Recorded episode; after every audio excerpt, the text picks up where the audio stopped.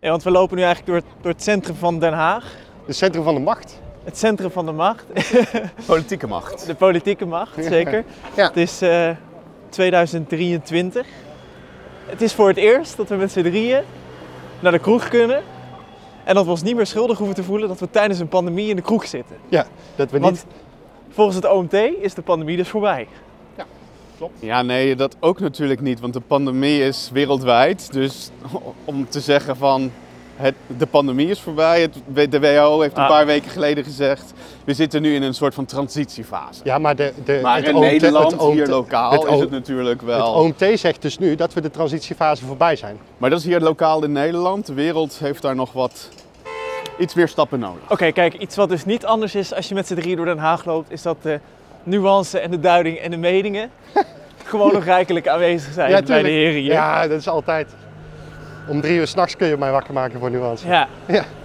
En we lopen nu ehm, niet alleen onderweg naar een koud biertje, maar ook naar het ministerie van VWS. Onderweg. En dan, nog- Onderweg. en dan gaan we nog langs het Binnenhof.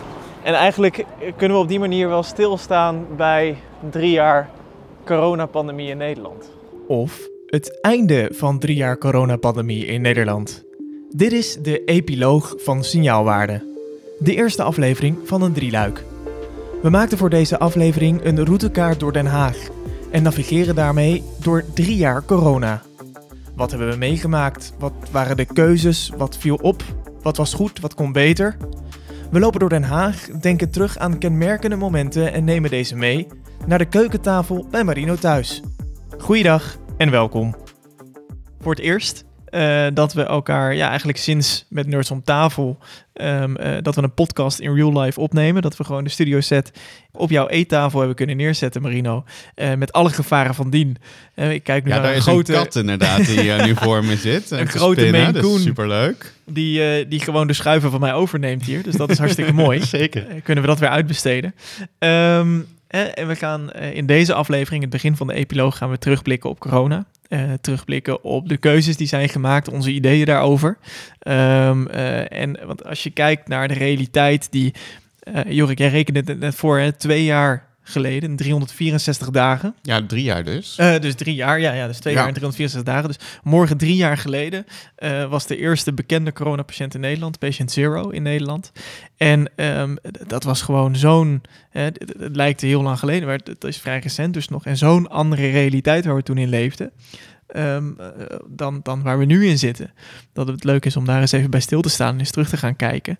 Wat is er gebeurd? Wat hebben we geleerd? En, en wat, ja, wat kunnen we daar eigenlijk nu van vinden? Ehm, en dat nemen we nog verder mee in de rest van de, van de afleveringen die hierna volgen. Van, eh, van een drieluik eh, dat deze epiloog eh, zal vormen. We zijn er Hier links. bij het ministerie van Nou. de VWS. Jorik, Marino, lopen jullie even naar die pilaar daar, dan kunnen jullie even trappen. Weet je niet roken, Sila?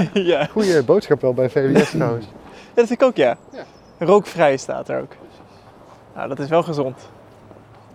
De Hoftoren. Nou, dit is hem. Het ministerie, ministerie dit is van OCW. Rijkskantoor de Hoftoren, Oranje, Oranje Buitensingel 25. ministerie van Duo. OCW zit hier. Het Caribisch Orgaan voor Hervorming en Ontwikkeling. In oprichting.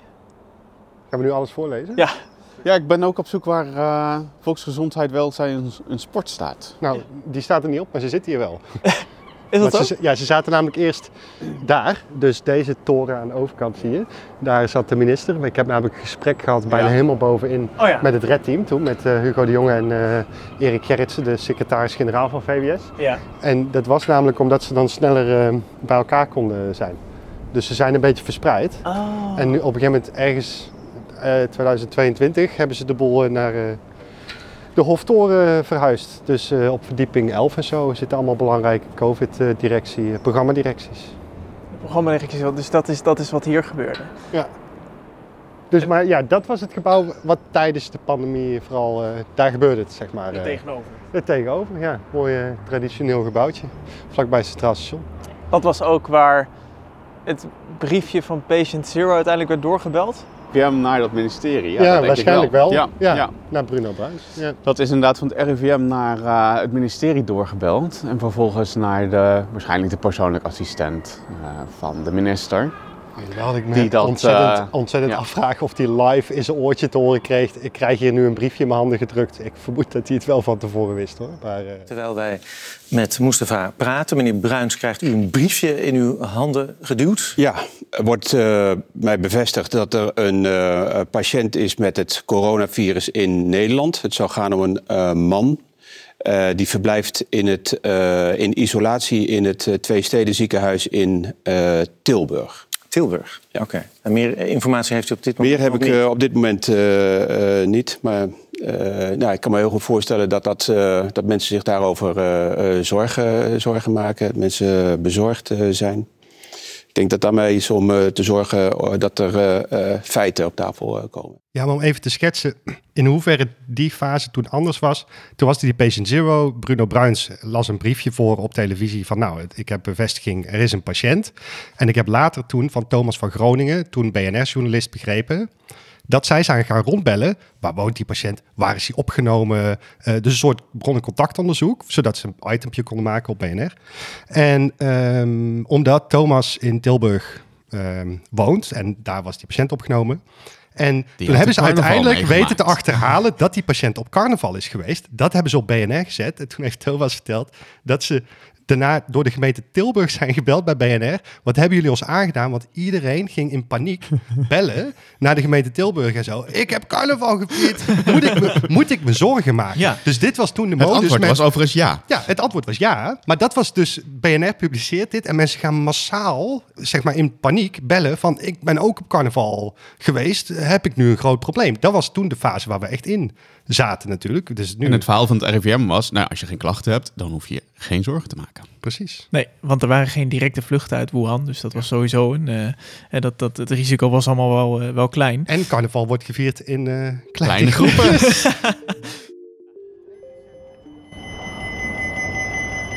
Maar we lopen nu dus eigenlijk van, het, het, het, van VWS naar het Binnenhof. Ja. Dus eigenlijk lopen we nu letterlijk... Hebben jullie bloemschoenen aan? Nee, nee, ik heb gewoon eh, sneakers. Dus nu lopen we eigenlijk in de bloemschoen... eh, dat is een mooi Van Hugo. trouwens. Ja. De bloemschoen voetsporen van Hugo de Jonge. Ja. Onderweg naar het Binnenhof. Waar hij zich moest verantwoorden in de Kamer voor het beleid. Precies. Het beleid wat in het begin eigenlijk vooral door de OMT-leden werd gedicteerd.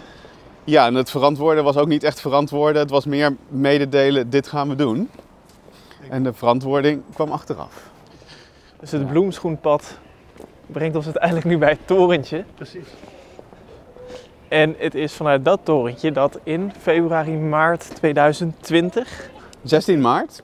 Ja, hier is het eh, de eerste staatsman moment Dus- dus- van Rutte geweest met zijn speech vanuit het torentje. Dat, was eigenlijk iets ongekends in Nederland. Ja, Dat, dat de premier vanuit Het torentje ons Het torentje volks- het volk ging volk toespreken. De Ja. laatste keer dat dat was, was volgens mij in de 70 jaren vanwege de oliecrisis. Dat bijvoorbeeld de autoloze zondag werd aangekondigd. Dat is ook vanuit een torentje speech gedaan. Dus het was 40 jaar geleden dat voor het laatst een premier de natie direct toesprak. Vanuit zijn eh, werkkamer. En dat was wel eigenlijk het, het beginpunt van de echte crisistijd in Nederland. Ja. Van corona. Ja, toen was iedereen wel eh, doordrongen van de... Ernst van de situatie. Want ik heb vanavond geen gemakkelijke boodschap voor u. De realiteit is dat het coronavirus onder ons is en voorlopig ook onder ons zal blijven. Er is geen eenvoudige of snelle uitweg uit deze zeer moeilijke situatie. De realiteit is ook dat de komende tijd een groot deel van de Nederlandse bevolking met het virus besmet zal raken. Dat is wat de deskundigen ons nu vertellen. En wat ze ons ook zeggen, is dat we in afwachting van een vaccin of medicijn de verspreiding van het virus kunnen afremmen en tegelijkertijd gecontroleerd groepsimmuniteit op kunnen bouwen. Dat moet ik uitleggen. Wie het virus heeft gehad, is daarna meestal immuun. Net als vroeger met de mazelen. Hoe groter de groep die immuun is, hoe kleiner de kans voor het virus om over te springen op kwetsbare ouderen en mensen met een zwakke gezondheid. Met groepsimmuniteit bouw je als het ware een beschermende muur om hen heen. Dat is het principe. Maar we moeten ons wel realiseren dat het maanden of zelfs langer kan duren om groepsimmuniteit op te bouwen. En in die tijd moeten we mensen die een groter risico lopen zoveel mogelijk afschermen. Alles overziend zijn er drie mogelijke scenario's. Het eerste scenario is het virus maximaal controleren. Dat leidt tot een beheerste verspreiding onder groepen die het minste risico lopen. Dat is het scenario van onze keuze. Maximaal controleren betekent dat we proberen met maatregelen de piek in het aantal besmettingen af te vlakken en uit te smeren over een langere periode. Met deze aanpak, waarin de meeste mensen alleen lichte klachten zullen krijgen, bouwen we immuniteit op en zorgen we dat de zorg het aan kan. Met als doel dat de verpleeghuizen, de thuiszorg, de ziekenhuizen en vooral de intensive care afdelingen niet overbelast raken. Waar waren jullie toen, uh, toen jullie deze speech zat? Want, uh, zag? Want ik weet het nog wel. Ik was met collega's op dat moment namelijk nog op kantoor. Ik heb op kantoor deze speech gekeken. Ik was, ik was dus thuis, omdat mijn, mijn broertje werkt in de, nou nu ambulanceverpleegkundige, maar toen in de spoedeisende, op de spoedeisende hulp. En daar kreeg ik al wel de signaal van mij, nou, volgens mij gaat er iets niet goed. Dus ik ben, denk ik, um, ik zat denk ik vanaf uh, 20 februari zat ik echt al thuis. thuis. Oh, dus wow. zelfs voordat Brabant dicht moest, want dat mm -hmm, was natuurlijk mm -hmm. eerst al, een week daarvoor. Dus ik zat dit thuis op de bank te kijken. En daarna, dit weet ik nog, heb ik mijn vader gebeld. Toen zei ik, ja, ik weet niet of dit nou ontzettend eng is... of dat dit een soort staatsman momentje gaat worden. Ik zeg maar, ik, ik vertrouw dit voor geen meter. Weet u nog, waar, weet u nog waar ik was? Nee, je gaat het nu vertellen. Ik, ik zat vast in Indonesië op dit moment. Oh. ik was in het buitenland. Wij zouden... Reizen tijdens de pandemie, goed gedaan. Je hebt het weer... nee, maar dat, dat, dat tekent wel... Laten we trouwens vooropstellen, hè. We, we, we, luisteren nu naar dit stuk. Ja. Um, we gaan het hierover hebben. Um, achteraf is altijd makkelijk lullen, plat gezegd. Maar daarom was mijn openingsvraag dus ook: waar waren jullie toen? toen ik, ik was gewoon aan het werk, ik zat op kantoor. Ik keek naar de cijfers en dacht van, oh, dit, dit gaat niet helemaal goed, want het was, uh, dit was 16 maart. Dus we waren eigenlijk al twee weken waren we exponentieel aan het stijgen. En ik zei hiervoor al, denk ik, tegen collega's van, nou, eind van de week, uh, dat was toen ook zo. Um, dan, dan werken we met z'n allen thuis. Ja. En dat nee, is ook wel echt gebeurd. Ik, ik haal even die vakantie aan, omdat dat ook wel tekent hoe er in Nederland toen over gedacht werd. Hè. We hadden Patient Zero op 27 februari. Dit was op 16 maart. Dus, dus daar zit relatief weinig tijd tussen. Um, ik weet dat wij van plan waren naar de Filipijnen te reizen. En uh, we hadden een vlucht over China. En de actie werd toen om de vlucht over China om te boeken, zodat we niet over China zouden vliegen. dat, was, dat was ongeveer de tijdsgeest toen van, nou ja, je kan nog prima op vakantie. Um, uh, alleen, uh, ja, je China moet China misschien even dan, mijden. Ja, maar maar ja, hoe, ja. als je over China wilde vliegen, er waren toch geen directe vluchten? Of? Nee, maar we hadden een transfer naar, naar Zuidoost-Azië natuurlijk uh, over China. Ja. Uh, dus we zouden op ergens daar op het vliegveld gaan overstappen. Dat hebben we toen opgeboekt. Ehm, niet wetende dat tijdens onze reis het hele vliegverkeer wereldwijd zou gaan instorten. Uh, dus dat was nog een uitdaging om, uh, om weer thuis te komen. Dat is uiteindelijk gelukt. En toen kwam ik terug op mijn werk op de spoedeisende hulp. En um, wist ik niet eens meer de weg uh, goed te bewandelen. Hoe ik op die afdeling moest komen. Want er stond een tent of zo? Of? Er stond een tent, er was een route voor vieze mensen, er was een route voor schone mensen. je moest via bepaalde gangen ineens weer naar binnen. dan moest je je omkleden. nee, dat was een, een totaal andere realiteit waarin, waarin we thuis kwamen. Ja, ik bedoel, het, het, was sowieso een bizarre tijd natuurlijk. Um, omdat we, nou ja, die speech van, van uh, Rutte, um, het uh, gecontroleerd opbouwen van groepsimmuniteit. Daarom konden we niet in een totale lockdown, maar gingen we dan in een intelligente ja, we horen, we horen, hem drie scenario's schetsen. Ja. Dat was eigenlijk het uitgangspunt van, van, van de pandemiebestrijding in Nederland. Um, dat waren die drie scenario's waarvan duidelijk voor het eerste gekozen werd. De piek indrukken en gecontroleerd verspreiden. Ja, dus het idee was inderdaad of we drukken het helemaal naar beneden, Nieuw-Zeeland, China-stijl bijvoorbeeld. Um, uh, of we doen helemaal niks. Dus dan krijgen we de, het uh, take on the chin scenario, zoals de Britten dat noemen. Dus we doen niks, daardoor pakken we alle besmettingen in één ram Nou, dan zijn we er vanaf. Die zijn daar later ook op teruggekomen natuurlijk. Wat we Of- natuurlijk zagen rond die tijd waren de beelden uit Italië, uit Bergamo. En daarom is daar niet voor gekozen. Want we zagen dat daar de, de, de ziekenhuizen diepen daar eh, eh, over, meer dan over. En dat, eh, ja, dat, het was heel duidelijk dat dat het verkeerde scenario, scenario was. Ja, en wat toen ook nog, de, hè, dus en het middelste scenario dat maximaal controleren is, is we drukken voor een deel en we de theorie was beschermen kwetsbare mensen extra, waardoor niet kwetsbare mensen, gezonde jonge mensen uiteindelijk wel besmet raken en die zouden dan immuun worden en dan bouw je dus eh, het eh, beruchte eh, Muurtje. beschermende muurtje op en die theorie kwam ook nog voort. Dat bleek later pas, dat wisten we toen nog niet, omdat er door de experts gedacht werd in China is er ook al groepsimmuniteit. En daardoor gaat het daar zo snel naar beneden. Dus de theorie was al, in China zien we het al gebeuren, dat er heel veel mensen immuun worden, plus zo'n lockdown en dan ben je er, vloep, nou dan ben je er snel vanaf. Ehm Dus was dit met de kennis van toen eigenlijk eh, ook het scenario to go? Nou, kijk, ehm, er was heel veel onzekerheid. En Rutte zegt in die speech, ehm, meestal worden we immuun, net zoals bij de mazelen. Dat was toen eigenlijk al een, een eh, ik vond het een beetje een bijzondere hypothese, want we weten bij luchtwegvirussen bestaat er gewoon niet zoiets als eh, immuniteit, net als bij mazelen, dat je er gewoon nooit meer last van hebt. Dus ik vond het toen al een beetje een risicovolle hypothese van we bouwen immuniteit op door een infectie en dan krijg je het daarna niet meer. Want dat zou het idee dan moeten zijn. Ja. Ja, dat hebben we nog nooit bij een luchtwegvirus gezien. Dus dat vond ik een risicovolle hypothese. Ik had die Plus- voorkennis overigens niet. Dus ik hoorde die speech en ik dacht toen, op dat moment toen ik het hoorde, in dat moment van, oh, dat klinkt wel eh, als een redelijke strategie. Hier gaan we voor. Lijkt me, lijkt was- me helemaal prima. Dat was mijn idee ook, omdat ik ben iemand die best veel vertrouwen in de wetenschap en de experts heeft. Dat bleek achteraf mij trouwens helemaal fout te zijn. Maar, maar, dat, eh, maar ik, ben, ik ben dan geen deskundige.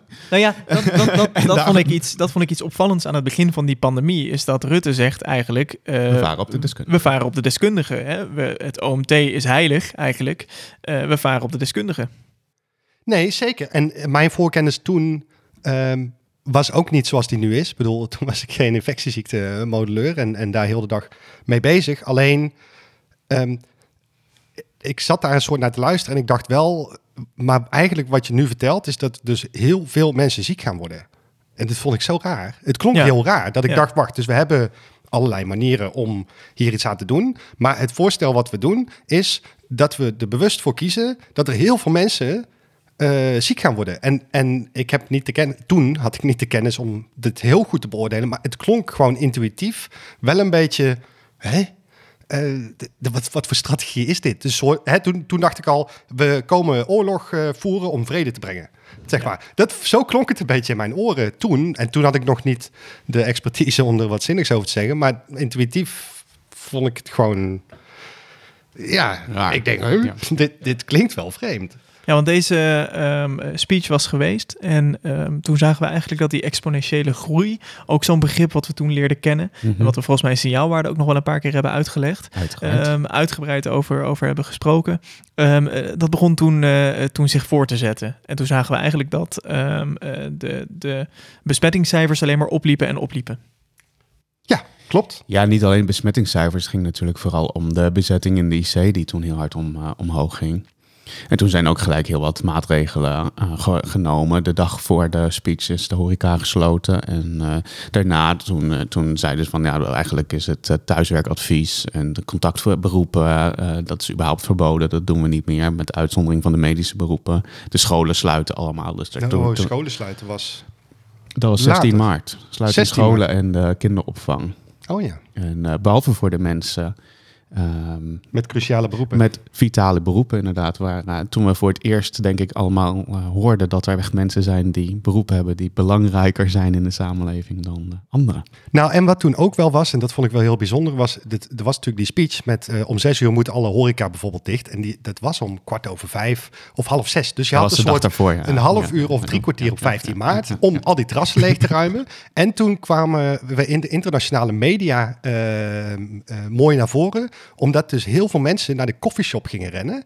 Eh, om nog, om nog, ja, wat de aankondiging was, alles gaat dicht. Dus je zag heel veel mensen, ja, ik moet wel iets hebben om, om die lockdown te kunnen overleven. En toen hebben we dus in de internationale media, heb je allemaal foto's zien van echt honderd man in de rij voor de koffieshop. En toen dachten ze, oh, dit gaat niet goed. Dus toen hebben ze de afhaalfunctie. Dat komt door die coffeeshops ook.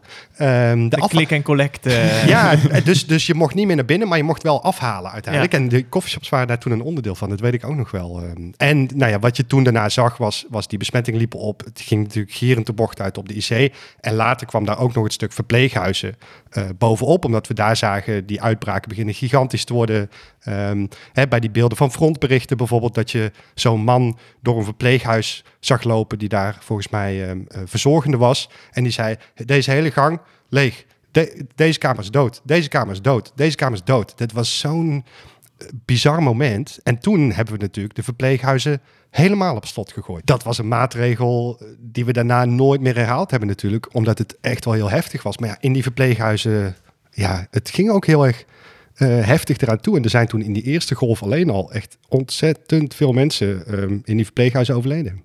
Ja, ja want, want we, we zitten nog steeds in de eerste golf op dat moment, hè? Waar we voor het eerst toen ook de anderhalve meter samenleving eh, kregen.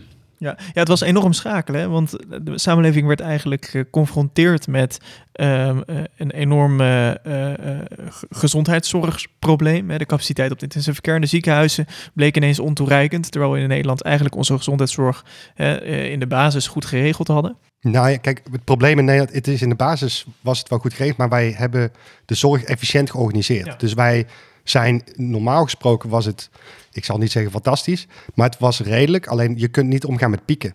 Want het is echt op de scherpst van de snede, was het al georganiseerd. Ja, dan komt er zo'n gigantische golf aan patiënten ineens op je af. Ja, dan stort de hele handel in elkaar. En opvallend aan deze speech, wat ik vond, is eh, helemaal aan het begin, eh, dat hebben we latere persconferenties niet gehoord, is dat hij toch even nog iets eh, zei richting de families van de mensen die zijn overleden. En dat, eh, dat, dat vond ik mooi in deze speech om te horen. Maar dat heb ik denk ik echt wel gemist in eh, de vervolgen speeches en persconferenties. Ja, want Eh, was dit ook het startpunt van de corona-persconferenties?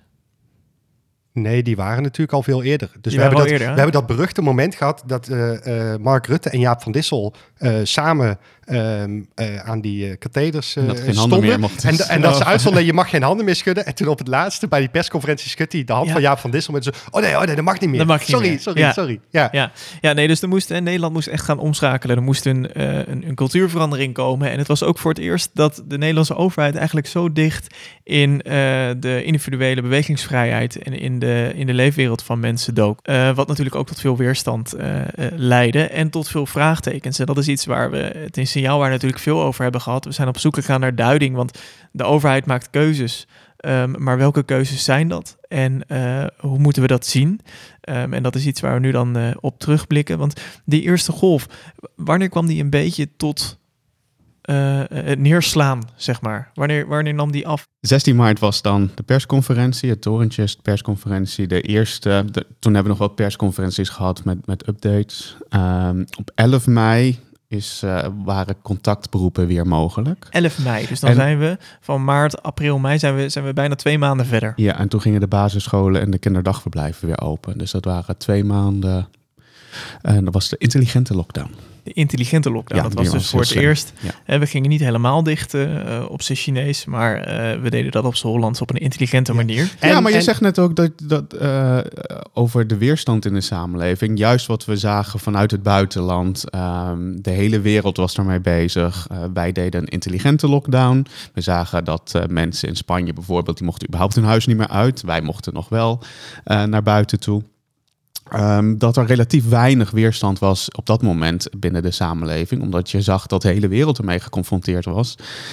En eh, daarmee, eh, de weerstand was er, maar die kwam echt pas later. Ja, en wat wij anders hebben gedaan dan best wel wat andere landen, is dat heel veel landen in één eh, stap gewoon totale lockdown. Hè, dus, dus een beetje een beetje. En toen bam, totale lockdown. Wat wij deden was Was het intelligente? eerst Brabant en Limburg dicht, want daar wordt carnaval gevierd. Dus het probleem is alleen in eh, Brabant eh, en eh, Limburg te vinden. Toen kwamen we tot de conclusie dat dat natuurlijk niet waar is.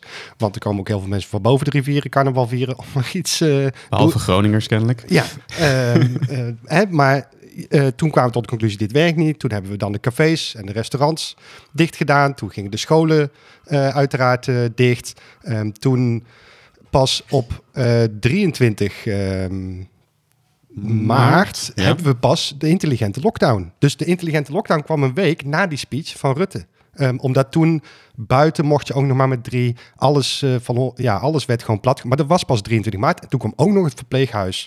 eh, de verpleeghuislockdown er ook nog achteraan. Dus wij hebben het de hele tijd. Daar hebben we het met Arnold Bosman in eh, een aflevering over gehad. Dat stapelen, zeg maar. In plek van gewoon in één klap, bam, alles dicht.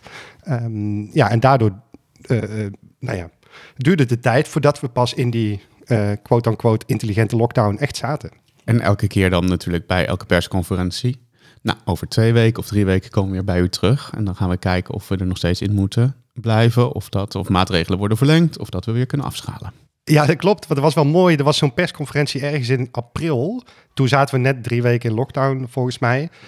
Zagen we net de eerste effecten op die groeicurves. En toen was de eerste vraag van een NOS-journalist. ehm, u vertelt ons nu dat we in lockdown zitten, dat we in lockdown blijven zitten. En ik heb mij drie weken helemaal perfect gedragen. En ik krijg ineens een beloning.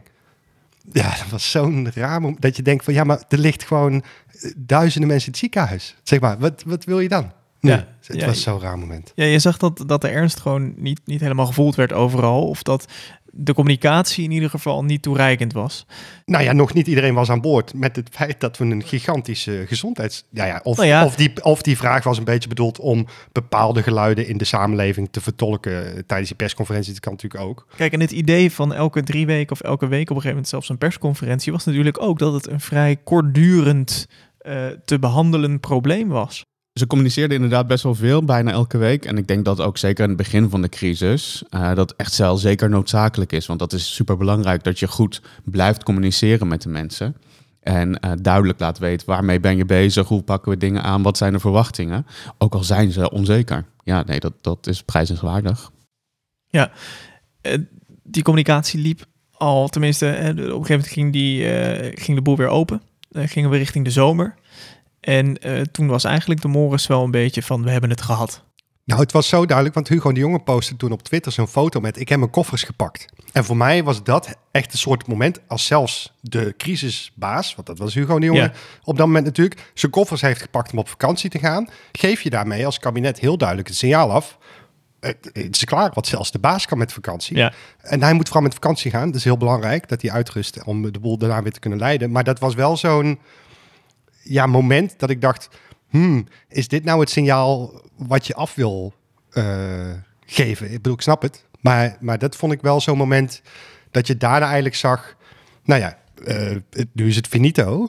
Ehm, en wat we toen natuurlijk zagen is dat we toen eigenlijk die eerste oplopende besmettingen vanaf eind juli... Toen begon eigenlijk de tweede golf al. Dan zag je de besmettingen oplopen. Kwam Sjaak de Gouw. eh, het was een soort de GGD-woordvoerder bijna bij op één. Met ja, we kunnen het niet meer aan met bronnencontactonderzoek. Eh, dit, dit is te veel. We zagen het niet aankomen. Dat was de eerste keer eh, dat we zagen het niet aankomen, werd genoemd. Ehm, en dat was het begin van nou ja, de tweede golf eigenlijk. Die pas echt losging vanaf september 2020. Want iedereen zat natuurlijk wel. We wisten van het luchtwegvirus. We vermoeden eigenlijk dat dingen gaan gebeuren aan het eind van het jaar.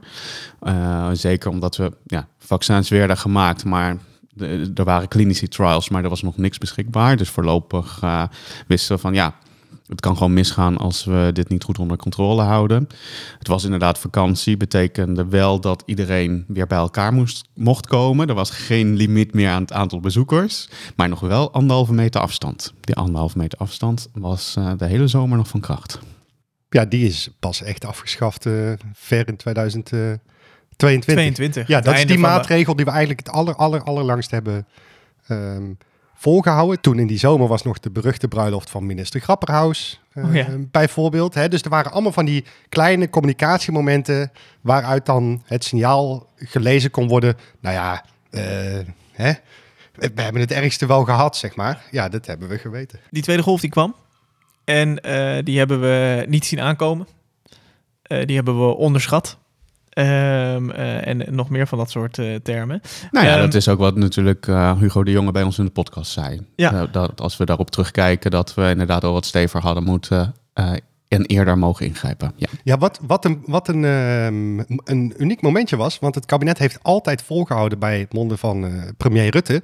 We hebben wel op tijd genoeg ingegrepen, maar niet hard genoeg. En toen bij ons in de podcast heeft minister, toen malig minister De Jonge van VWS, voor het eerst zegt nee, we hadden ook eerder moeten ingrijpen. Waar ik het helemaal mee eens ben, uiteraard. Maar dat was een, eh, nou, scoop, zou ik bijna willen zeggen, in onze podcast. Ja, want had, had dit anders gekund met de kennis van toen?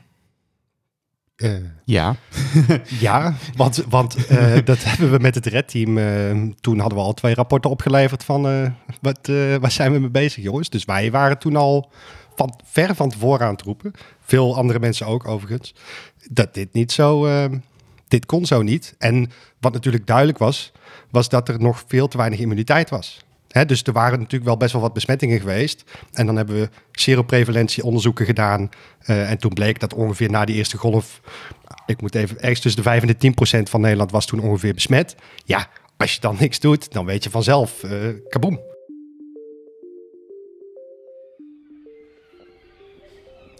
Waar zit Nieuwsport?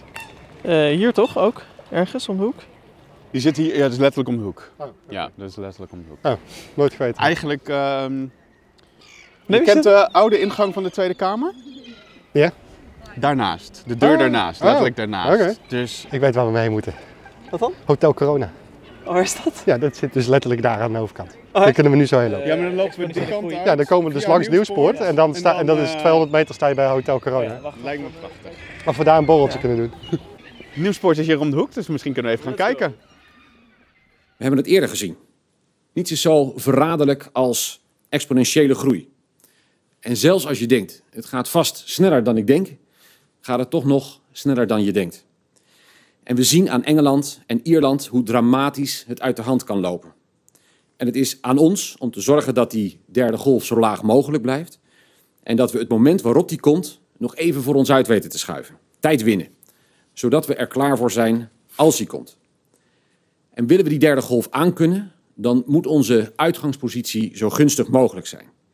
Minder mensen besmet, minder bedden bezet, het aantal besmettingen zo laag dat we het maximale effect mogen verwachten van het testen, traceren en isoleren. Dus je hoort hier Hugo de Jonge weer over die exponentiële groei praten. ehm, eh, daar antwoord op geven. eh, en in die tweede golf werd Nederland dus, zoals we net ook al zeiden... in die tweede golf werd Nederland ook al overspoeld en weer overvallen eigenlijk door die exponentiële groei. En die tweede golf die zette zich door tot eh, het begin van 2021. Eh, er moesten echte lockdowns en geen intelligente lockdowns meer, maar echte lockdowns aan te pas komen. Of is dat nog niet zo doen? Nee, we hebben, we hebben dus in Nederland nooit een, zeg maar, echte lockdown-lockdown gehad. Dus hetgene wat we gedaan hebben in de tweede golf is natuurlijk eerst, het, eh, hadden we bedacht, we gaan routekaarten gebruiken voor regionale maatregelen.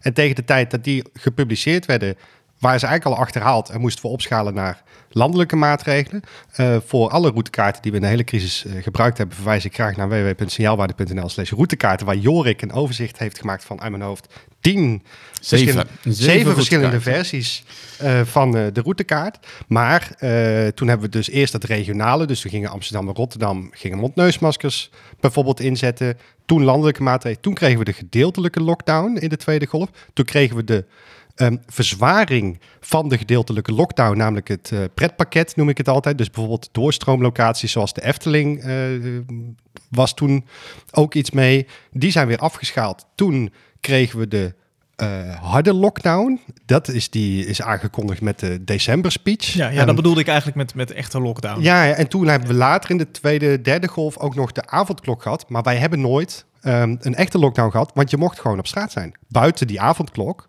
Dus dat was bijna waren we er. Alleen toen mocht je overdag nog over straat. En dat mag bij een echte, hè, die Spaanse, die Italiaanse, Chinese lockdowns, mocht je gewoon helemaal niks.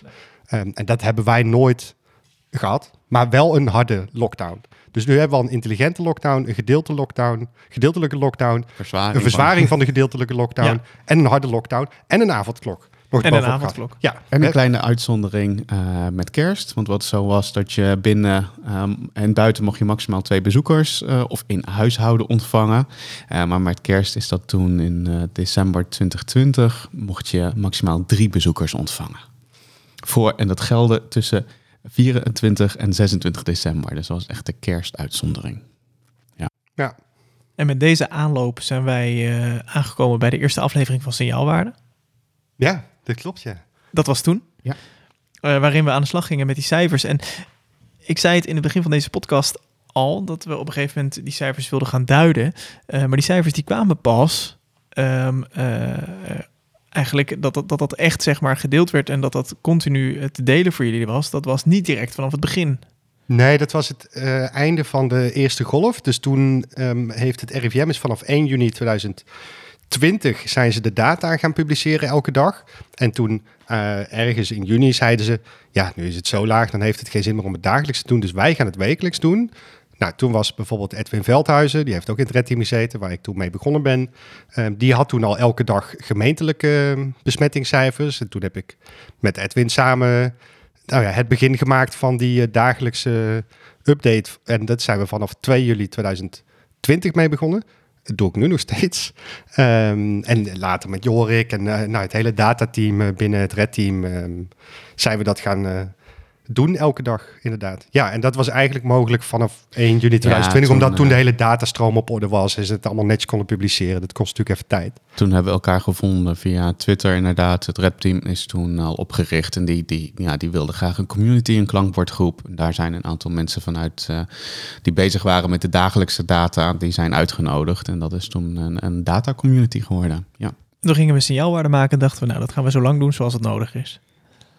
Ja, we hebben toen eh, nog goed idee, geroepen, toch? Van, eh, moeten we niet een soort eindpunt eh, bepalen? Van wanneer houden we er eigenlijk mee op? En toen hebben we op een gegeven moment zo'n moment bereikt. Dat weet ik nog. Dat is v- later in 2021. Dat jij had bedacht, Maarten, in onze redactievergadering. We gaan het niet meer over de actualiteit hebben, want nou is het wel klaar hoor. Ja, Eh, in september 2021. Ja, en een week later hadden we signaalwaarde extra. Er zijn 16.000 besmettingen gemeld vandaag. Ja, toen hebben we inderdaad het, het, het hoogste aantal besmettingen eh, tot dan toe hadden we eh, genoteerd Ja. inderdaad.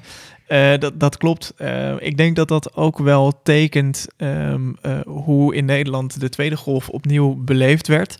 Ehm, en hoe ik terugkijk op die corona-periode, eh, hoe dat op mij is overgekomen, is dat we eigenlijk telkens zijn gaan toewerken van nee, maar als we dit doen, dan is het over. En als we dit doen, dan is het zo meteen over en dan gaan we terug naar normaal.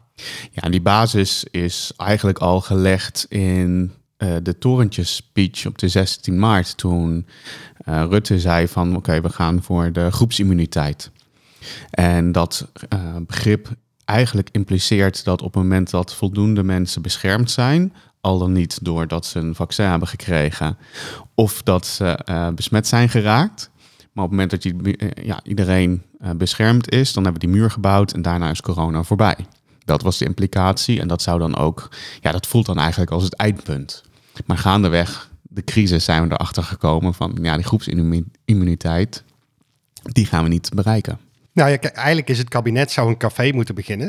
Maar dan zou ik graag gaan drinken. Want als het daar zij dan roepen, eh, dit is de laatste ronde mensen. Dan komen er nog zes laatste rondes. Ja, Dat was het gevoel wat ik eigenlijk de hele tijd Ja. had. Dat zei, nee, maar dit is het laatste moment. Ik denk, ja, maar daar- over twee maanden zien we jullie wel weer. Ja. Nou, dan was het dan weer zover. dat was Ja, ook zo. Hè? Ja, we hebben, nou ja, we hebben het vaak gehad van wat is het eindpunt, wat, eh, wat is de haven, en, eh, het zicht, ja. eh, zicht op de haven, de contouren.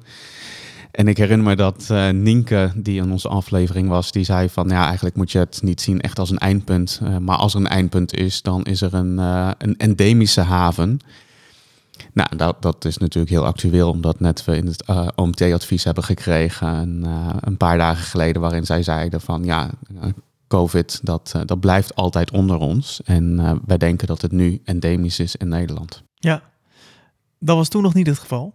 Maar de vaccins was het idee, Die waren de uitweg uit de crisis. dat is de uitweg uit de crisis.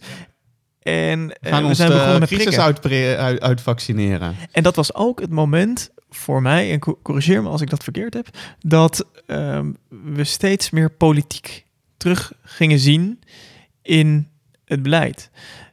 Voor die tijd was het de hele tijd, we hebben het OMT. We hebben experts. We luisteren naar experts. Het is het OMT-advies en eigenlijk nemen we dat over, uh, brengen we dat tot uitvoering en doen we wat de mensen die er verstand van hebben, uh, uh, doen we dat. En vanaf dat de prikstrategie kwam, werd eigenlijk de politieke inmenging in het beleid steeds duidelijker, steeds zichtbaarder. Vergeet niet dat het uh, twee en halve maand nadat we zijn begonnen met vaccineren, waren de verkiezingen. Hè? Dus dit is niet alleen een, er is een vaccin, nu kunnen we beter onderhandelen met het virus, want we gaan toch vaccineren. Er kwamen ook gewoon verkiezingen aan. En natuurlijk zeiden ze allemaal, dit heeft niks met de verkiezingen te maken. Maar als politici iets uh, zeggen, dan uh, als ze verkiezingstaal bezigen, dat het niks met de verkiezingen te maken heeft. En toen werd inderdaad het onderhandelen Um, begon toen eigenlijk van, hè, als we nou met vaccineren kunnen we het al best wel een beetje drukken. Dus dan kunnen de scholen alvast open, want dat is heel belangrijk. De avondklok was het toen nog steeds, die zou er als eerste afgaan. nou, dat heeft uh, nog een maand geduurd daarna volgens mij.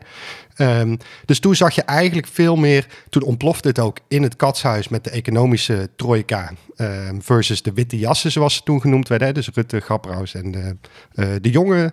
Dus toen al die discussies kwamen toen ja, naar buiten die in het kabinet plaatsvonden. De, de uitruil tussen maatregelen um, is toen eigenlijk heel sterk um, ja, begonnen. Omdat we toen konden afschalen door de vaccins, was het idee. Um, ja, wat dan als eerste? Uh, het is zeker wat meer politiek geworden. En een van de redenen daarvoor was is dat de, de eerste lockdown die was uh, heftig voor veel mensen. En we hebben de zomer gehad. En vervolgens komt er weer gewoon een pakket maatregelen. En ik heb wel echt de indruk dat zeker dat tweede pakket maatregelen, dat viel mensen toch uh, echt wel zwaar. Het kwam echt wel als een tegenvaller binnen van oké, nu zitten we de hele winter straks binnen. En daarmee merk je ook inderdaad dat dat, ja, dat is natuurlijk politiek van wat, wat ga je doen? Willen we binnen zitten of niet? En we zagen dat er steeds meer mensen toch wel, um, hoewel we het eerste, in de eerste lockdown iedereen zich netjes aan de maatregelen hield, de tweede was al veel lastiger. Ja, en als je dan inderdaad dan verkiezingen krijgt, dan is de vraag wat ga je doen als politiek? En we zagen daar inderdaad die onderhandelingen.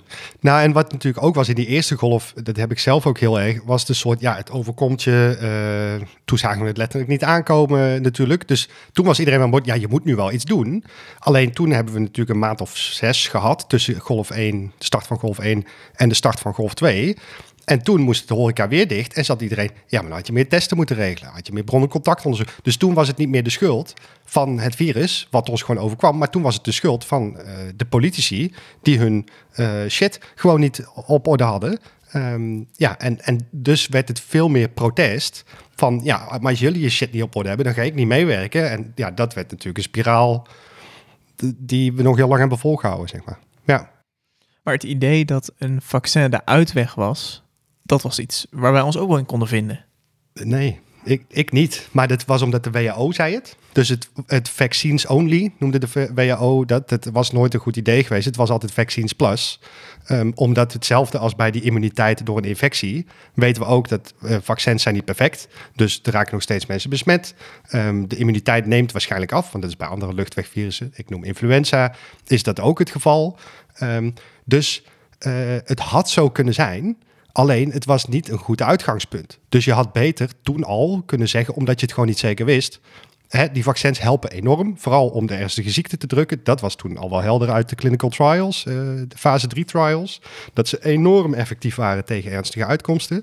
Maar die belofte dat we ons de pandemie uit zouden vaccineren, hadden ze toen gewoon niet moeten doen. Want je wist het gewoon niet. Misschien had, was het zo geweest, achteraf. Nou, dan kun je heel blij zijn. Alleen dat heeft de OVV achteraf in de rapport, uh, deelrapport 1 ook de Man on the Moon strategy van uh, Hugo de Jonge um, genoemd. Namelijk uh, over promise, under deliver. Hè? Dus je belooft heel veel, ja, en dan kan het eigenlijk altijd alleen maar tegenvallen. Nou, dat was bij die vaccins is denk ik wel het meest ultieme voorbeeld daarvan, zeg maar. Ja, ja Jorik, jij hebt toen heel fanatiek de vaccinatiecijfers ook gevolgd en de vaccinatiestrategie gevolgd. Klopt, zeker, ja. Um, uh, met, met, met de kennis van nu Um, uh, maar ook met het perspectief van toen, hadden er andere keuzes gemaakt moeten worden omtrent het vaccineren? Ja. ja, is het korte antwoord. Wat we zagen is dat uh, er, er, waren twee, twee problemen uh, eigenlijk. De, de eerste is dat we niet goed voorbereid waren op, op de vaccinatiecampagne. Waardoor we net iets later zijn begonnen dan de landen om ons heen. De tweede is dat er echt is geschipperd over wie als eerste het vaccin zou krijgen. En uh, achteraf gezien, nee, niet alleen, uh, ook toen al, uh, was het eigenlijk duidelijk van ja, wat, wat levert de meeste winst op? Gezondheidswinst. Nou, dat is heel duidelijk, namelijk je begint met de alleroudste als eerste vaccineren. En dat is gewoon niet gedaan. en daar, daar is, dat was toen niet goed, dat is nog steeds niet goed. Maar dat kwam omdat Kuipers en Gommers toen bij Nieuwsuur zijn gaan rellen over uh, de gezondheidsmedewerkers. onze mensen vallen uit. Als eerste. Onze mensen ja. vallen uit door infecties en dan ja. stort de hele boel in elkaar. Ja. Dus geef ons als eerste die vaccins. En daardoor zijn ze gedraaid, want de gezondheidsraad heeft toen ook gewoon geadviseerd. Uh, begin gewoon met de, meest, en de mensen die het snelste doodgaan, de mensen die het snelste opgenomen worden. En toen gingen Kuipers en Gommers hebben dit heel goed gespeeld, uh, zijn toen gaan rellen. En ineens was het uh, draaien en werden de zorgmedewerkers. Gun alle zorgmedewerkers een vaccin zo snel ja, mogelijk. Ja, maar... er zijn twee dingen over te zeggen. Het eerste is inderdaad dat, je de, dat ziekenhuismedewerkers... De, ziekenhuizen wisten gewoon hoe ze moesten vaccineren, konden dat ook heel snel uitrollen. Dus ik denk dat het praktisch gezien een verstandige keuze was. Maar het was ook heel duidelijk dat de gezondheidsraad zei van we hebben een volgorde, we beginnen bij de alleroudste. En dat advies hebben ze volgens mij drie à vier keer achter elkaar gegeven. Dat was niet een. Dat was een de, het eerste advies was al heel helder. Het tweede advies was helder. Het derde advies waren ze gewoon boos. Ja, toen waren ze vrij expliciet. Wij dus op een gegeven moment van jullie moeten nu. Hè, uiteindelijk is het aan het kabinet om keuzes te maken. Maar de gezondheidsraad zei wel: het wordt nu echt tijd dat jullie een keer naar ons gaan luisteren. Want ja, je ziet de gevolgen ervan. Daar zijn, daar zijn ik durf dit, ik, je kunt dit modelleren waarschijnlijk, maar waarschijnlijk zijn daardoor, door die keuze, extra mensen overleden, omdat je gewoon minder kwetsbare mensen eerst hebt gevaccineerd. Er zijn mensen onnodig daardoor overleden, denk ik ook. Um, en dan om weer terug te komen op je originele vraag van was de vaccineren zeg maar de uitweg uit de crisis? Nee. Maar vaccineren was wel en is ontzettend belangrijk om echt die ziektelast en die druk op de zorg echt heel erg uh, te verminderen. Betekent niet dat het probleem nu weg is, dat zien we ook, want corona is endemisch. Maar om echt ja, die acute gezondheidscrisis te lijf te gaan, dat, daarvoor was vaccineren essentieel. Nou ja, kijk, de enige manier om permanent uit een epidemie te komen is immuniteit. Is altijd, is altijd zo. Ik bedoel, uh, pokken hebben we de wereld uitgeholpen door vaccineren en immuniteit. Uh, polio type 2 bestaat nu alleen nog maar ergens in Pakistan en Afghanistan in de rural areas, zoals het dan zo mooi heet. Omdat we zoveel gevaccineerd hebben dat we het gewoon kapot geslagen hebben. Zeg maar. Dus immuniteit is per definitie de weg uit een epidemie. Dus vaccineren is cruciaal. Alleen bij een virus waartegen je niet permanente bescherming tegen infectie opbouwt of tegen besmettelijkheid ja, is het niet een permanente oplossing, maar moet je constant blijven vaccineren en constant blijven vechten als je dat zou willen. Toch was het wel het begin van uh, een, een, een, ja, een nieuwe fase in de pandemie uh, en in de epidemie in Nederland. Um, en uiteindelijk heeft, nou misschien is dat, een, is dat een verkeerde aanname die ik doe, dus vertel graag hoe dat zit. Uiteindelijk zijn we nu wel in een endemische fase beland. Ja, het is absoluut een hele andere fase waar we nu in zitten dan dat we toen in zitten. Want waar we toen in zaten, waar, dat was de avondklok. Uh, je mocht een bezoeker hebben, maar één bezoeker thuis. Ja, we zitten hier nu bij Marino met z'n tweeën. Ja, dat was uh, uh, precies twee jaar geleden was dat, ja, was dat ondenkbaar. Nou, ja, dat bedoel, mocht niet. ik, ik zit hier nu met Nienke in die avondkloktijd, uh, waar ik mee samen in die avondkloktijd weet ik nog dat het echt soort van, ja, om half acht, hè, ik was bij haar of zij bij mij, dan moesten we rennen, want anders dan was je drie minuten te laat thuis. En als redteamlid kon je toch geen boete voor, de, voor die avondklok krijgen. Dat was echt wel een soort roomser dan de pauze. Uh, dus de, de, de, ja, er waren van die hele persoonlijke rare dingen van... oh, je moet nu echt weg, oh, wat vervelend. Uh, uh, ja, want die, want die verrekte avondklok, zeg maar. Met studenten met wie ik het erover had... die honden aan elkaar gingen uitlenen om de avondklok te omzeilen. Ja, uh, ja dit soort ja. kleine dit momentjes. Dit ontwikkelde zich verder. En, um... Nou ja, dat was de fase van de crisis toen. Die maatregelen waren toen nodig. En we zien dus door het vaccineren dat we nu in een, fase zitten waarbij we uh, geen restricties meer hebben. Ja, het is echt veranderd. Nee, en wat jij zegt, Maarten, net, daar wou ik ook nog wel even op terugkomen, waarbij we geen restricties hebben, omdat we zoveel uh, Immuniteit bescherming hebben. hebben. andere variant. Um, maar jij zei net, goh, hè, door het vaccineren zijn we in deze fase terechtgekomen. Um, dus het vaccineren heeft dan een heleboel geholpen. Als wij niks hadden gedaan, geen maatregelen hadden genomen, geen vaccins in hadden gezet, was uiteindelijk iedereen besmet geweest, waren we ook in deze fase terechtgekomen. Waar we nu in zitten, alleen had het Heel veel doden extreem veel gezondheidsschade aangericht. En dat is natuurlijk het hele punt. Uh, het gaat er niet om. Uiteindelijk kom je er wel uit. Want uh, uh, immuniteit bouw je vanzelf wel op, naarmate je extreem veel infecties uh, uh, hebt gekregen. Dan kom je er ook wel. Alleen het punt is, vaccineren doet dat op een manier waardoor er veel minder gezondheidsschade ontstaat. Dus als je alles maar weet te voorkomen zoveel mogelijk en dan heel veel weet te vaccineren, kom je er met het minste gezondheidsschade doorheen. Dat is altijd het probleem en de discussie hier natuurlijk geweest. Dus de fase waar we nu in zitten, hadden we 100% zeker sowieso ingezeten op dit moment. Alleen de vraag is, wat is de prijs die je wil betalen. Die je wil betalen op economisch vlak, op maatschappelijk vlak en op gezondheidsvlak. Ja, want dat werd op een gegeven moment een beetje de, de afweging. Hè? Van um, uh, gaan we uh, gezondheid altijd verkiezen boven de economie, boven een vrije samenleving. En dat, dat, dat werd op een gegeven moment ook de politieke discussie en uh, de maatschappelijke discussie. En er was uh, de, de, de, polarisatie nam toe. We hebben het daar in 2022 met Ginny Moy nog over gehad. Um, dat waren een beetje de thema's op een gegeven moment ontwikkelt die epidemie en die pandemie die ontwikkelt zich door. Er komen nieuwe varianten. Er komt een nieuwe minister van VWS. En uiteindelijk horen we minister Kuipers het volgende zeggen. Na twee jaar zijn we in een nieuwe fase van de pandemie beland.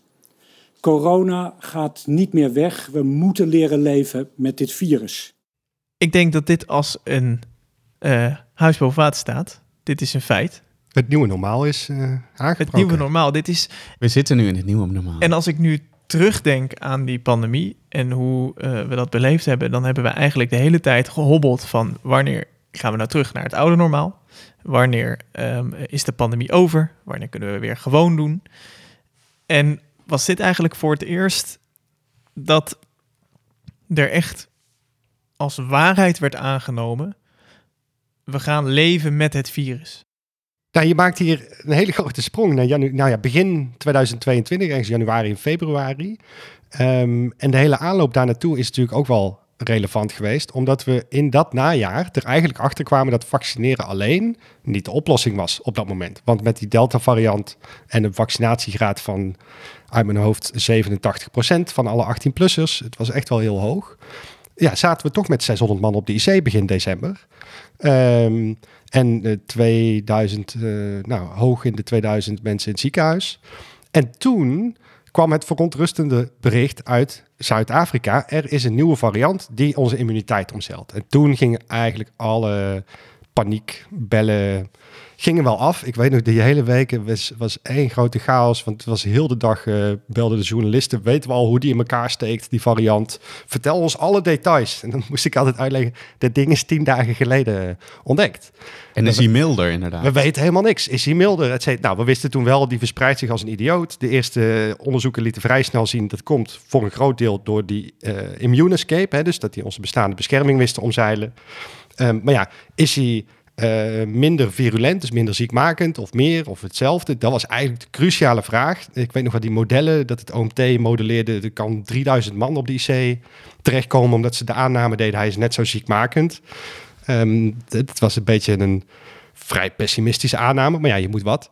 Um, dus het was één grote chaos. En toen zijn wij als enige land in heel Europa weer in een harde lockdown gegaan. Wat niet kwam door die um, modellering, maar omdat er gewoon al 3000 plus man in het ziekenhuis lag. Doordat wij dachten, met een beetje vaccineren en de stomme corona-toegangsbewijs, komen we deze pandemie wel uit. Nou, dat was natuurlijk niet.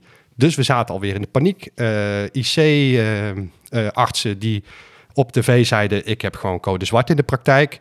Wat Hugo de Jonge toen weer natuurlijk ontkende, want hij was degene die bepaalde of het code zwart was. Dus zolang hij zei: Het is niet code zwart, was het geen code kon zwart. hij blijven ontkennen dat het code zwart was, natuurlijk. Maar ja, in de praktijk was dat wel het geval. En toen kwam ook nog die Omicron-variant. Ja, dat was, de, deze, dat was dus december 2021. Ja, klopt. Ja. Um, en toen hebben we als enige land in Europa moesten we dus in lockdown vanwege dat we daarvoor te weinig hadden gedaan en er paniek was om die Omicron-variant. En een maand later komt de nieuwe minister van VWS op tv. Uh, we zitten het nieuwe normaal. Dat was heel raar. Dus het was in, in anderhalve maand, één maand tijd, waren we van totale paniek, code zwart in de praktijk. Ehm, nieuwe minister van VWS. Ja, eh, we zijn hier om te leven met het coronavirus. Dat, dat bedenk ik me nu pas eigenlijk. Dat we dus in anderhalve maand tijd van code zwart in de praktijk, totale paniek, naar welkom in het nieuwe normaal. Dat, nooit gerealiseerd, maar het schiet me nu gewoon te binnen. Ja, het was, een, het was een andere manier van omgaan met het virus, lijkt het wel. Hè? Andere minister, andere manier. Jorik, viel jou die omslag ook op? Nee, ik realiseer het me inderdaad nu ook pas inderdaad met Marino. Maar inderdaad, als je kijkt naar de tijdlijn inderdaad, dan is het vanaf dat moment, dus dat is uh, begin, uh, ja, half januari, is het toen opeens best wel snel gegaan. Want we zaten toen in de lockdown, Omicron. En vervolgens in februari zijn vrij snel de maatregelen afgeschaald. Uh, toen is het zo dat ook in eind februari 2022, dus dat is bijna precies een jaar geleden kwam er een einde aan de anderhalve meter samenleving. Toen mochten de mondkapjes ook af. Oh, daar ken ik nog een leuk liedje over. zeg mondkapje, waar ga je heen? Naar het vuil, naar het vuil. Zeg mondkapje, vind je het niet erg dat ik niet huil? Dat ik niet huil? Ja, dat, dat, dat zong uh, Grapperhaus inderdaad. Uh, dat was in ja, zes maanden eerder, in juli. Uh, toen dat, we eigenlijk al dachten van de crisis is voorbij. En dat, dat bleek niet zo te zijn. Maar ja, een jaar geleden zijn, is die mondkapjesplicht er eerst afgegaan in het algemeen. Vervolgens was het er nog wel in de OV en toen nog op luchthavens, alleen op Schiphol en, en Eindhoven. En die is er vervolgens ook afgegaan. Ja, en toen is het uh, eigenlijk vrij snel gegaan met het afschalen van, uh, uh, van de maatregelen. Wat er toen ook is gebeurd, is dat er adviezen zijn veranderd als het gaat om testen. dat is veel minder gebeurd. daardoor zagen wij, ja, wij als data nerds dachten gelijk van, ah, we hebben geen zicht meer toen hebben we natuurlijk, nee, we hebben nog steeds de data die we eigenlijk nodig hebben, waarvan zij toen ook al zeiden van, nou, dat is het belangrijkste, namelijk de surveillance en de rioolwaterdata en natuurlijk gewoon het aantal opnames in de ziekenhuizen en op de IC. Uh, daarbij hebben we ook nog volgens mij een nieuwe routekaart gekregen, alleen weet ik niet helemaal exact meer wanneer de laatste is uh, opgeleverd aan ons. Nou, als ik even kijk op signaalwaarde.nl slash routekaart, dan zie ik nummer uh, eh, 6 staan. Dat was aanpakken najaar. Najaar, ja, ja, ja. En um, nou, als we vanaf toen kijken, ja, we, we, toen, toen zijn we eigenlijk echt uh, met die persconferentie en na het afschalen van die maatregelen echt in het nieuwe normaal terechtgekomen. Vanaf dat moment is eigenlijk corona voor de grote meerderheid van de Nederlanders echt afgelopen, maar niet voor iedereen. Nee, dat klopt. Uh, we hebben natuurlijk uh, één te maken met een groep die langdurige klachten heeft overgehouden aan alle infecties van de afgelopen bijna drie jaar. Dus de mensen met long covid. Dan hebben we natuurlijk nog een hele grote, of grotere groep dan sommige mensen denken. Uh, mensen die nog steeds kwetsbaar zijn voor een infectie, ondanks uh, vaccinatie bijvoorbeeld. Ja, en die hebben nu nog steeds allerlei risico's, ondanks dat iedereen denkt dat het wel een beetje klaar is. Nou, dat zie je nu, want we zitten letterlijk nu weer in een golf in 2023. Die, uh, dat kwam net naar buiten in het nieuws, zodanig uh, erg is dat bijvoorbeeld het Radboud alweer operaties moet gaan annuleren. Dus ja, het is ook in die zin nog steeds uh, niet voorbij. Um, en daarnaast zijn er uh, natuurlijk bijna 50.000 mensen overleden um, in de hele pandemie. En ook dat heeft natuurlijk voor hun nabestaanden, et cetera, ja, ook gewoon langdurig wel uh, gevolgen. Maar ja, de long-covid groep is nu eigenlijk het meest prominent aanwezig. Um, mensen die daar langdurig klachten aan over hebben gehad. We weten in Nederland nog steeds niet hoeveel mensen dat precies zijn, want dat houden we niet structureel bij.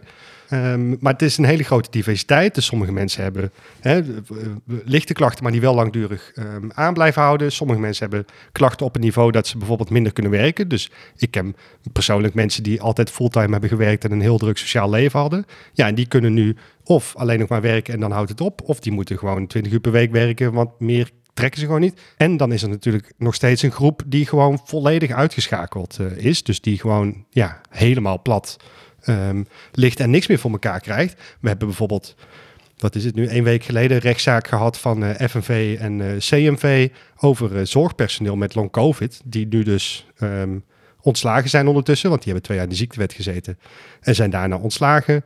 Ja, en die zitten gewoon steeds thuis. Dus die mensen hebben in nou ja, die eerste golf gewerkt met alle risico's van dien, infectie opgelopen en kunnen nu eh, nog steeds niks.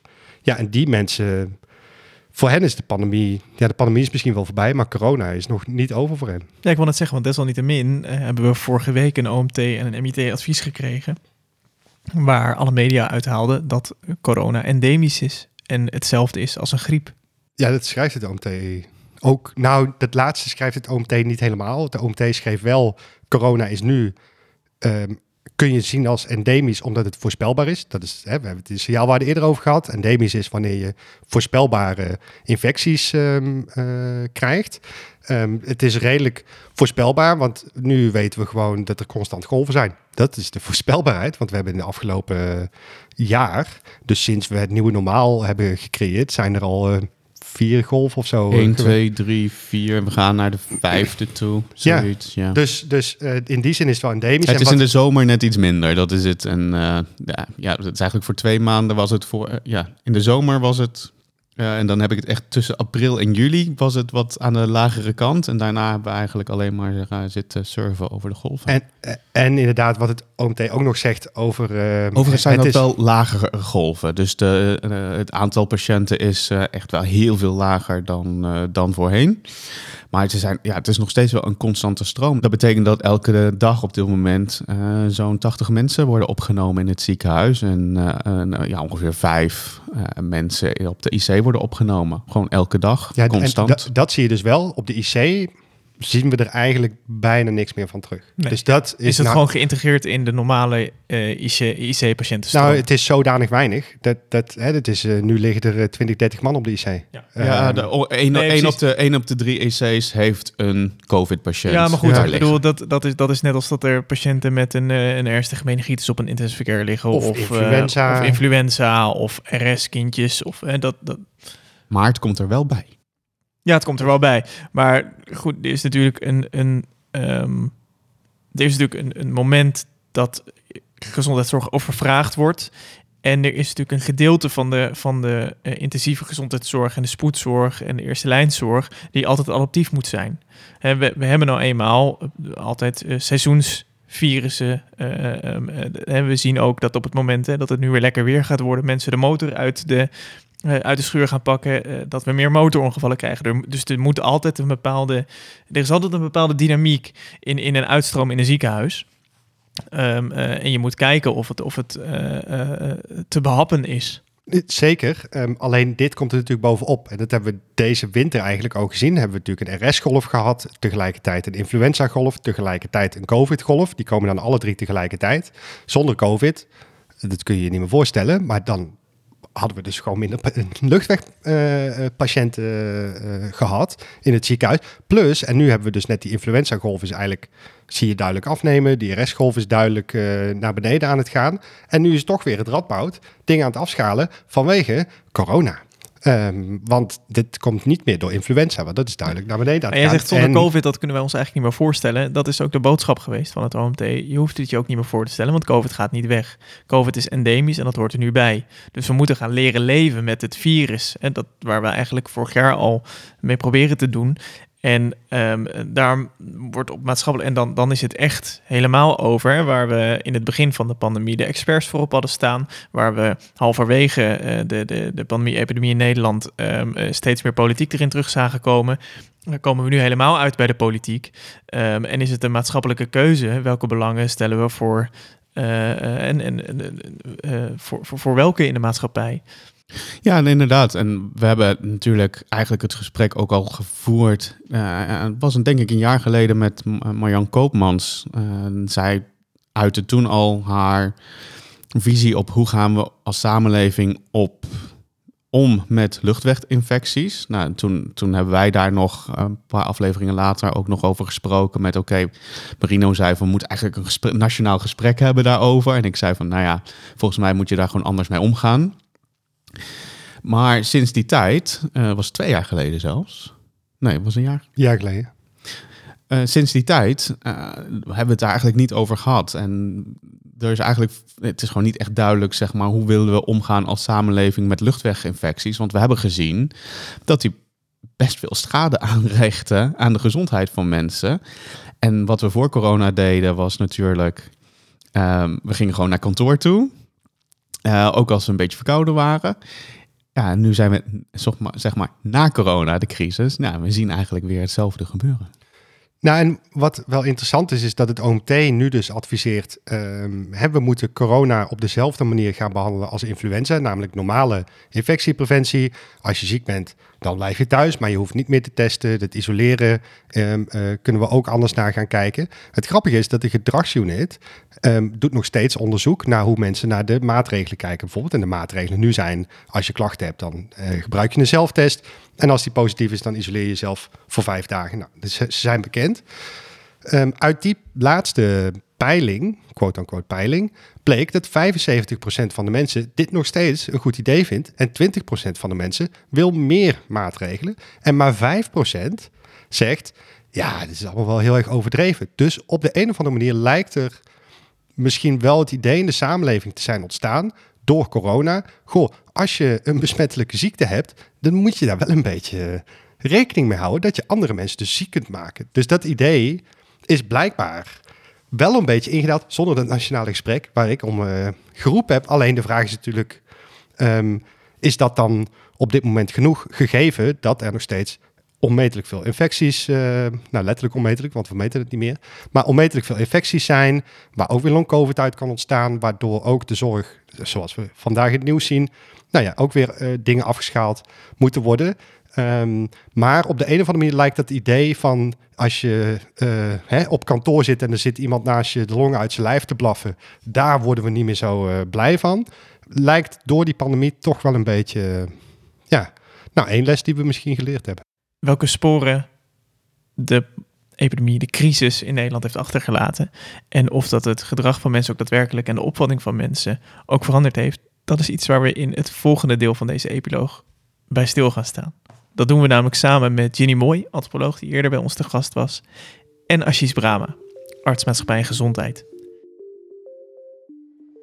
Tijd voor een uh, bitterballetje, zou ik zeggen. Jij hebt toch wel een leuke plek om even heen te gaan, toch? Ja, je hebt hier in Den Haag, uh, het, uh, die, is, die zijn net trouwens ook op tv geweest, het beruchte Hotel Corona. die zit op het Buitenhof. Waarom is het berucht? Nou, die zijn dus in de pandemie, in het begin, hebben dus een aantal... Um, nieuwsprogramma's zijn daar dus voor gaan staan. En dan hebben ze dus die eigenaar, ja, vervelend nu, hè, die naam, zeg maar. En dan zei nee man, ik trek superveel klandizie. Ja. ja. En, een soort, en dan mensen ja. zo van, uh, ja, u uh, heeft vannacht, uh, bent vannacht in Hotel Corona verbleven. Is een beetje, vindt u het niet te raar of zo, weet je wel? En dan mensen soort, nou ja, het is gewoon een hotel, toch? We gaan... Zo, naar, uh, oh, Hotel en, dan zie je, Corona. en dan zie je daar rechts van zie je Hotel Corona. Op het buitenhof tegenover het binnenhof. Dus ja, corona was er al heel lang voordat, uh, ja. vlakbij het binnenhof. Ja, het is letterlijk een steenworp afstand. Ja. ja, corona bevond zich op een steenworp afstand al heel lang. Rutte kan het net niet zien vanuit zijn torentje. Nee, net niet. Uh, we kunnen daar gaan zitten. Goeiedag. Ja. We zitten nu in het nieuwe normaal officieel volgens het OMT afgekondigd eigenlijk. En zo moeten we dat maar zien, dat advies van vorige week. In uh, Hotel Corona. Na drie jaar de epiloog van Signaalwaarde op te nemen. En we kunnen eindelijk, ik heb er jullie heel vaak naar gevraagd. Wanneer kunnen wij weer? Wanneer kan ik eigenlijk gewoon weer bier drinken? We kunnen eindelijk gewoon proosten. Proost jongens. Proost. Proost. Proost. Proost. Op het einde van de eerste aflevering van de epiloog van Signaalwaarde. Je luisterde naar een weergave van de pandemie, hoe wij deze herinneren en beleefd hebben. Raadpleeg voor een bronvermelding van de fragmenten uit deze aflevering de show notes. Graag brachten we en brengen we het nieuws en de duiding met een lach. Maar hierbij altijd in ons achterhoofd de enorme schade en het immens verdriet dat deze pandemie bij velen heeft veroorzaakt. Hier zullen we in de komende afleveringen nog bij stilstaan. Er ligt nog een groot vraagstuk voor ons. Want welke route moeten we nemen van hoe maken we elkaar niet ziek naar hoe houden we elkaar gezond? Bedankt voor het luisteren en tot deel 2 van de epiloog.